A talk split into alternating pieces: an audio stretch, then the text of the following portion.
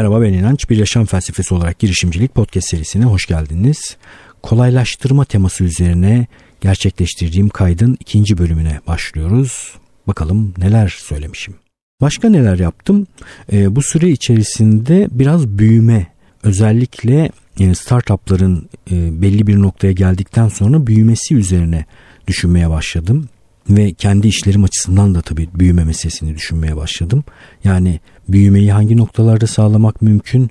Büyümede nasıl bir zihin yapısına geçmek gerekir? Nasıl davranmak gerekir üzerine bir miktar şu anda yoğunlaşmış durumdayım. Bununla ilgili de bir takım içerikler oluşuyor ve yavaş yavaş onları da paylaşacağım. Kendi yoğunluğumu yönetirken de büyüme odaklı davranmaya çalışıyorum. Kaldıraç kuvvetleri bulmaya çalışıyorum. Mümkün olduğunca e, bir takım dış kaynaklardan daha çok faydalanmaya başladım. Yani delege ediyorum işleri. Ücretini ödeyerek bir takım hizmetler satın alıyorum. Ve böylece kendi emeğimi, kendi zamanımı en önemli noktalarda kullanmaya çalışıyorum. Dağıtım noktaları arttırmaya çalışıyorum. Dağıtım noktasından kasıt nedir? Benim ürün ya da hizmetlerimin insanlara ulaşmasını sağlayan alanlar, kanallar.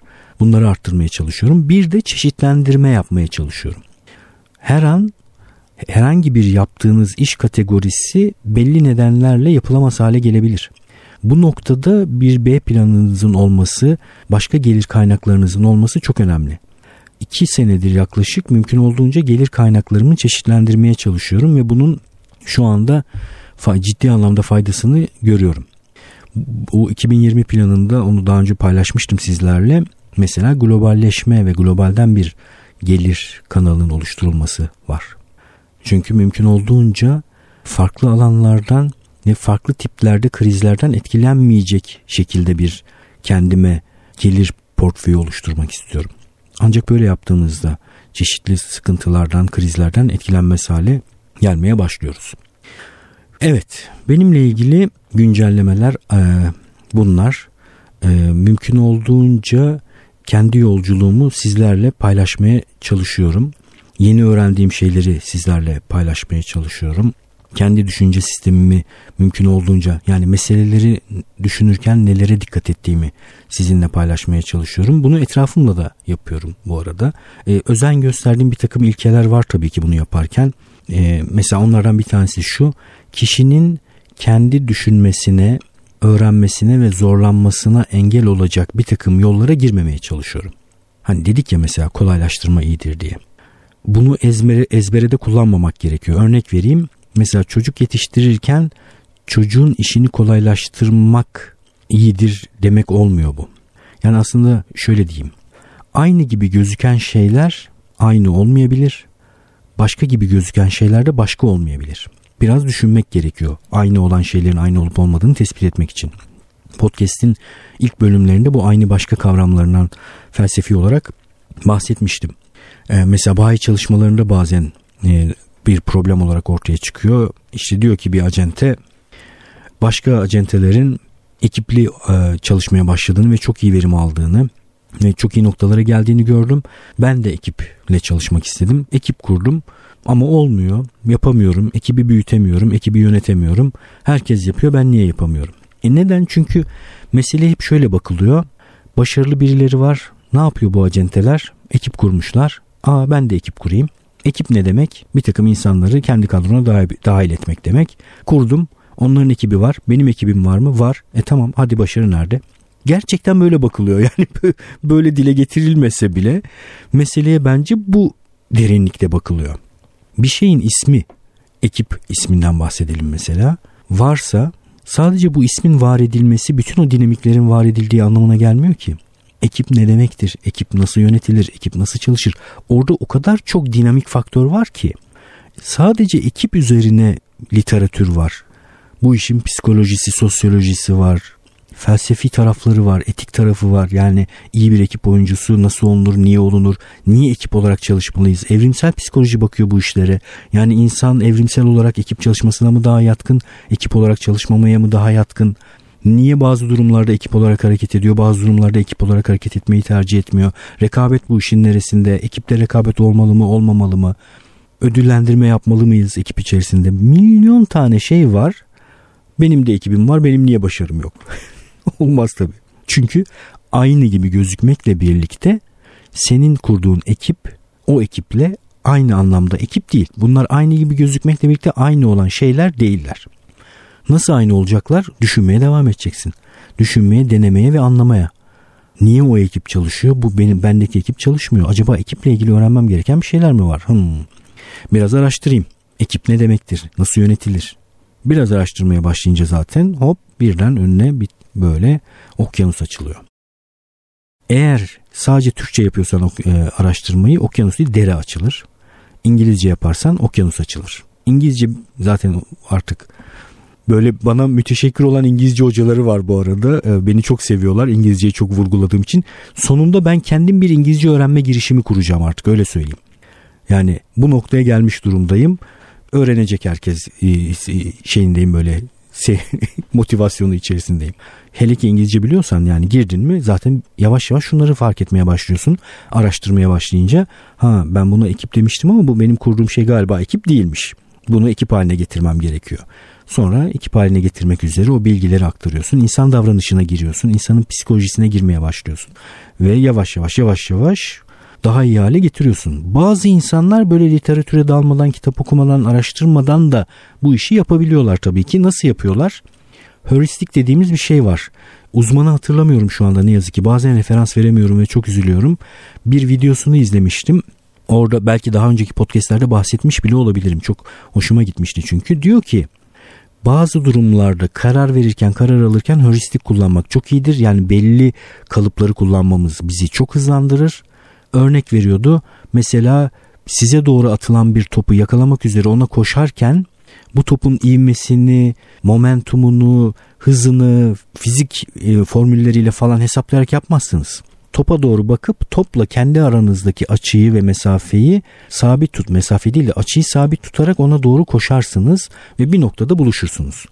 Bedeniniz top hizalanarak belli bir noktada buluşur ve bunu çok da düşünerek yapmazsınız diyor. İşte bazı durumlarda bazı insanlar bunu yapabiliyorlar ama bunu yapmak için ne yapmaları gerekiyor? Takip etmeleri gerekiyor. Yani iyileştirmeye çalıştıkları, takip ettikleri bir sonuç var. Biraz da detaycı bakıyorlar. Mesela ne bileyim ekiple ilgili e, örneği verdim bir kere. Ekip üzerine düşünmeye devam edelim. Bu tip bir insan baktığında görüyor ki kurduğu ekip çalışmıyor. Sonra niye çalışmıyor acaba diye düşünüyor. Diğer çalışan ekibe bakıyor, gidiyor, izliyor onları. Onların ilişkilerine bakıyor. Yani böyle teoriden değil de pratikten ama boş pratikten değil yani sıkı pratiği takip edip anlayarak, özümseyerek de hareket eden insanlar var. Sonra bakıyor orada onların aralarında ilişkide bir garip bir şeylik var, bir farklılık var. Yani o ekibi yöneten lider kendisi gibi davranmıyor. Ne yaptığına bakıyor, onu anlıyor. Gidiyor onu taklit ediyor. Yani böyle izle, anla, taklit et, dene, sonucu takip et, sonuç iyileşiyorsa doğru yoldasın demektir. Devam et şeklinde öyle çok teoriye bulaşmadan bu işi yapabilenler de var. Buna da razıyım ben bu arada. Nefis bazı açılardan da böyle yaklaşmak gerekir. Ama sığlıkla derin düşünmeye girmeden, e, detaylı anlamaya çalışmadan, anlamaya çalışmadan yani böyle bir e, otantik ve hakiki ilgi göstermeden bir şeyi değiştirmek mümkün değil. Hiç kolay değil çünkü bir şeyi değiştirmek. Bazı durumlarda ben bunun çok böyle e, uç örneklerini görebiliyorum. Yani kendi e, neyse kendi kurumumla bahsetmeyeyim. Yani soyutlayarak örneklendireyim. Bir diyelim çalışan grubu var. Bir tane yönetici var ve birlikte bir şeyler yapıyorlar. Ve acayip bir sinerji oluşmuş durumda. Çok iyi çalışıyorlar. Herkes kendini ortaya koyuyor. Gri bölgeler yok. Bu senin işin bu benim işim denmiyor. Canla başla topyekün böyle bir toplam kalite hareketi. Topyekün. Total quality. Buradaki toplam hep yanlış çevrilmiş diye denir ya. Aslında topyekün hep birlikte kalite hareketi anlamına gelir. Öyle bir şey var aynı bu ekibe bir başka lider geliyor. Lider değişikliği oluyor, yönetici değişikliği oluyor. Birden her şey dağılıyor. Ben bazı durumlarda böyle bir ekibin içinde yer aldım. Yönetici değişikliği ve iki kültürü de deneyimledim. Bir durumda bunu yaşadım. Hatta birkaç durumda yaşadım. Bazı durumlarda da çok yakın temaslı olduğum bir takım e, kurumlarda da bunu gözlemledim. Yani danışmanlık yaptığım, eğitimler verdiğim, yakın temaslı olduğum bir kurum diyelim ki inanılmaz sinerjik çalışıyor. Herkes canla başla çalışıyor. Kültür harika.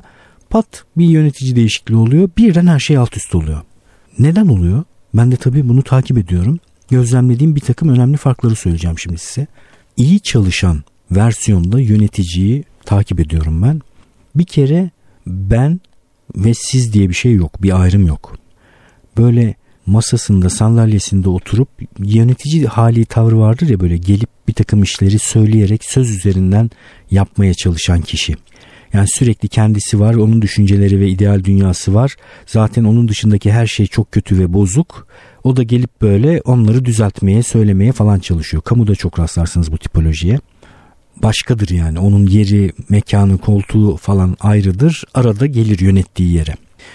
Bir de biz diye konuşan ve hakikaten samimi olarak bunu yapan. Öyle bir ayrım gözetmeyen. E, ben bununla ilgili bir vaka hatırlıyorum. Yine e, zihniyetli olmadığı için yer falan söylemeyeceğim. Banka ismini de söylemeyeceğim ama e, bir yerde okudum herhalde. Hatırlamıyorum. Bir bankayı e, Beyoğlu'nda bir bankayı teslim alan müdür ilk gün banka müdürü insanları topluyor ve hep birlikte bir geminin içindeyiz. Bu geminin parçasıyız hepimiz ve hepimiz bu işi iyi yapmaktan sorumluyuz diyerek bir biz tarif ederek başlıyor. Ve o günden sonra bankada her şey tıkır tıkır işlemeye başlıyor. İnsanlar çok enteresan. Sen ve beni gördükleri anda hatta bir de atomize edersen yani yönetici ve çalışanlar dışında herkes de bireyselleşiyorsa oradan anlamlı bir şey, büyük bir şey, yüksek kaldıraç gücü sahip, e, gücüne sahip bir şey çıkarmam mümkün değil. İyi yönetici adeta böyle nasıl diyebilirim? Bir futbol takımının içinde kendisi de oynayarak aynı zamanda takımı yöneten kişi gibi davranıyor. Orada sahada işin içerisinde e, mesela benim versiyonumda bir yönetici vardı. Biz çok sınıf değişiklikleri yapardık ortam zenginleştirmek için. Bir ortam değişikliği sırasında tepe yönetici kendisi de hep birlikte sandalyeleri, masaları falan böyle taşırdık. Bir başka yönetici kendisi dışarıda bu, bunun taşınmasını izler. Çok e, farklı oluyor. Birinci e, başarılı olan ve bu kültürü oluşturan yönetici biz diye konuşuyor. Heyecanlı bir takım hedefler ortaya koyuyor. Bu hedefler için herkes neresinden tutarsa ne yaparsa o şeyi yapmaya çalışıyor. Yani görevler, departmanlar ve bir takım tariflerle çalışmıyor da tüm ekibi zorlayacak zorlu bir hedef tarif ediyor ve hep birlikte o hedefe doğru birleşiyorlar. Aynı şeyleri gördüm yani birkaç defa böyle bunu yaşadım. Her şey aynı hemen hemen ama aynı değil. Aynı çok yanıltıcı bir e, kategori, düşünce kategorisi. İki şeyin aynı olduğunu derinlemesine bakmadığında iddia edebilirsin. Satın almada bu çok yaşanır. İhalelerde falan çok yaşanır. Ya işte yemek ihalesine çıkıyoruz. İşte aynı yemek veriyorlar. O da yemek veriyor, o da yemek veriyor. Bak bu onun üçte bir fiyatına veriyor. Aynı yemek değil ama. Böyle için daralır. Gerçekten hele işin o tarafı böyle hani rakamlar üzerinden sayılar üzerinden kelimelerin sığ e, eşleşmeleri üzerinden bir takım karar alıcılar varsa iyice benim içim daralıyor tabii ki. Bu e, açıdan baktığımda şunu görüyorum ben hangi mesafeden baktığına bağlı olarak ve ne şekilde baktığına bağlı olarak ve insanı ne kadar tanıdığına ne kadar onu anlamaya çalıştığına bağlı olarak birden aynı kaynakla tırnak içinde aynı kaynakla bambaşka şeyler yapabilir hale geliyorsun. Tabi hepsinde olduğu gibi yine odağın içsel olmasına dönüyor. Aktüellere değil potansiyellere odaklanmaya dönüyor. Bir şeylerin imkansız olduğunu iddia etmemeye dayanıyor. Çok böyle karamsar olmamaya dayanıyor. En nihayetinde bakacak olursanız mutluluk dediğiniz şey de biraz böyle. Yani e, dışarıda ve durumda aramak çok mümkün değil mutluluğun e, formülünü nasıl söyleyebilirim? Görece bir şey. Bir takım e, farkların kapatılmasıyla mutluluklar oluşuyor ya da bozuluyor. Ya da bir takım farkların oluşmasıyla ya da bozulmasıyla oluşuyor, bozuluyor. Nasıl örneklendirebilirim? Yani birebir sizin durumunuz şu anda birisi için efsane güzel bir durum olabilir. Tarif ettiğinizde keşke ben o durumda olsaydım diyebilir. Şuraya gelmeye çalışıyorum. Yani objektif olarak mutluluğun bağlanacağı bir şey yok. İnsanlar kendi meselelere bakışıyla, düşünme biçimleriyle, kendi duygularını yönetme biçimiyle o mutluluğu biraz da çalışarak kazanıyorlar. Yani mutluluk da en nihayetinde emek istiyor, iş istiyor, çalışma istiyor. Aynı şartlarda delicesine mutsuz olabilirsin. Podcast bu arada e, yöneticiler tarafından da çalışanlara öneriliyor. Orada da kategoriler var. Birkaç defasına e, denk geldim. İşte yönettiği insanlara podcast'in ilk 10 bölümünü gönderen yöneticiler var. Hatta bir tanesi yine eğitici eğitimine katılmıştı. Seda. Ama kurumsala çok vuruyorsun dedi bana. Ben de yok çok vurmuyorum dedim. Hani başlarda biraz daha serttim kurumsala karşı ama yavaş yavaş yavaş yavaş nereye doğru geldi düşünceler. Yani kurumsalda orada burada nerede olursan ol bir şekilde eğer sen doğru e, dinamiklere sahip bir insansan, çalışan bir insansan en nihayetinde mutlusun ve yaşayabilirsin. Kurumsalın içerisinde de bir kazan kazan ilişkisi kurmak mümkün. Yani benim anlattığım, kendimde uygulamaya çalıştığım ve insanların da kendinden uygulamaya çalıştığı insan türünü sen kurumun içerisine koy böyle elmas gibi parlar. Ee, kurumsalın kötü taraflarında konusunda da hem fikrim dünyada hala çalışmayı doğru tarif edemediğimizi düşünüyorum. bir insanlık suçu olduğunu düşünüyorum. E bunu da yani bu, bu noktada anlaşamıyorsak da başka bir problem var demektir. Evet ne yapalım? Çok mu güzel diyelim yani kurumsal? Muhteşem mi diyelim? Şu anda şu haliyle bütün dünyada kurumsal insanın doğasına, doğasına demeyelim de insanın varoluşuna ve insanın gelişimine aykırı. Cevabım yok, önerim yok ama öyle. Bunu da tespit etmek istiyorum. Ama bunun dışında insan bir fonksiyon olarak bulunduğu her noktada e, kendisini işler çalışır hale getirebilir. Şimdi tabii Seda ile konuşurken ben şunu söyledim. Sen sonuçta dedim gönderiyorsun. Niye gönderiyorsun peki dedim çalışanlara. Ben dedi çünkü onu kendim ayırt ediyorum. Onları da ayırt edeceğini düşünüyorum. Yani kendileri için anlamlı bir hale getireceklerini düşünüyorum. Ben de öyle düşünüyorum hakikaten. Bir de e, bir e, ihtiyaç analizi için bir toplantıya gitmiştim. E, bir ARGE yapan, bayağı sıkı ARGE mühendisliği yapan bir ekiple e, iki kişilik bir e, karşı taraf iki kişi ben onlarla görüşme yapıyorum. İşte ne yapabiliriz konusunda. Orada da yakından da tanıyorum bu arada e, iki kişiden birini izinli olmadığı için şöyle şey gibi konuşuyorum tabii ki şifreli gibi konuşuyorum. Podcast'i dinliyor kendisi ama ekibine göndermiyormuş. Bana da söyledi dedi ekibe göndermiyorum. Niye göndermiyorsun dedim. Çünkü dedi sıkıntılı olabilecek düşünceler olduğunu düşünüyorum. Ne düşünüyor bu kategori? Şunu düşünüyor. Ya işte inanç girişimcilikten, kendi işini yapmaktan e, bahsediyor. İnsanların kafası karışabilir. Ya ben işte bu kadar böyle kolay karıştığını düşünmüyorum kafaların. Keşke bu kadar kolay karışsa da karıştırsak.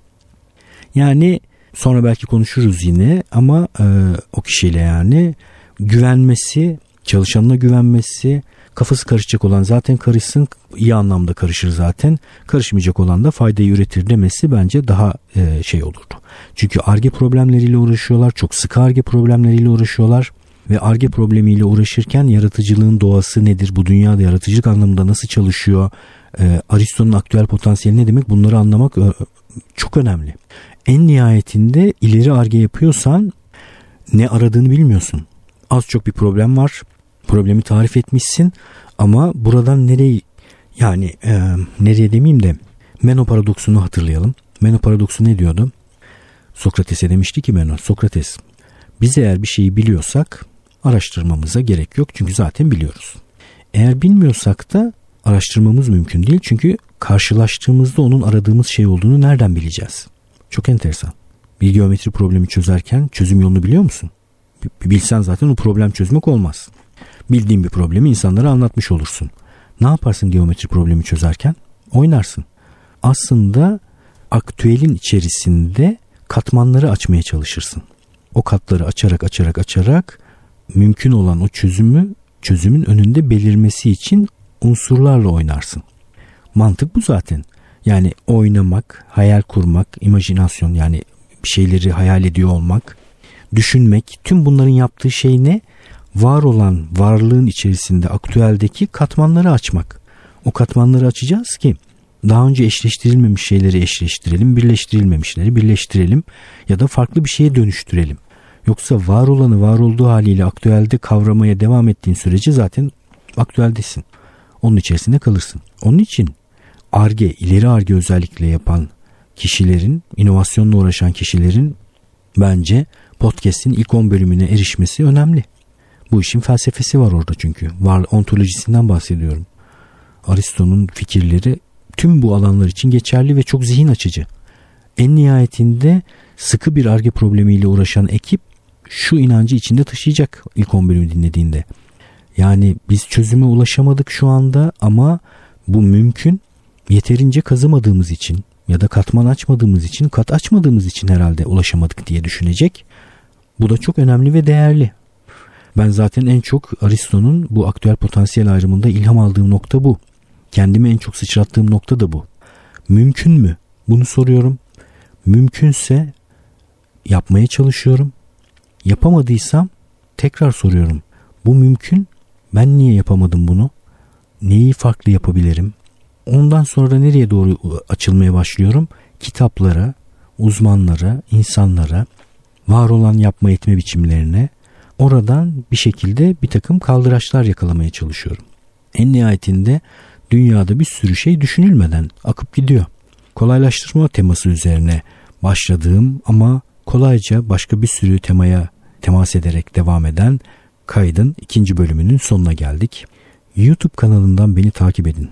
Tek aksiyonumuz olsun. Bin kişi civarındayız şu anda. Eğer e, bu bölümü kapatıp beni takip etmek üzere gittiğinizde 5000 kişi varsa birden bu bölümü dinleyen 4000 kişi abone olmuş demektir. Ki öyle şeyler hayatta olmuyor. Hadi görüşürüz.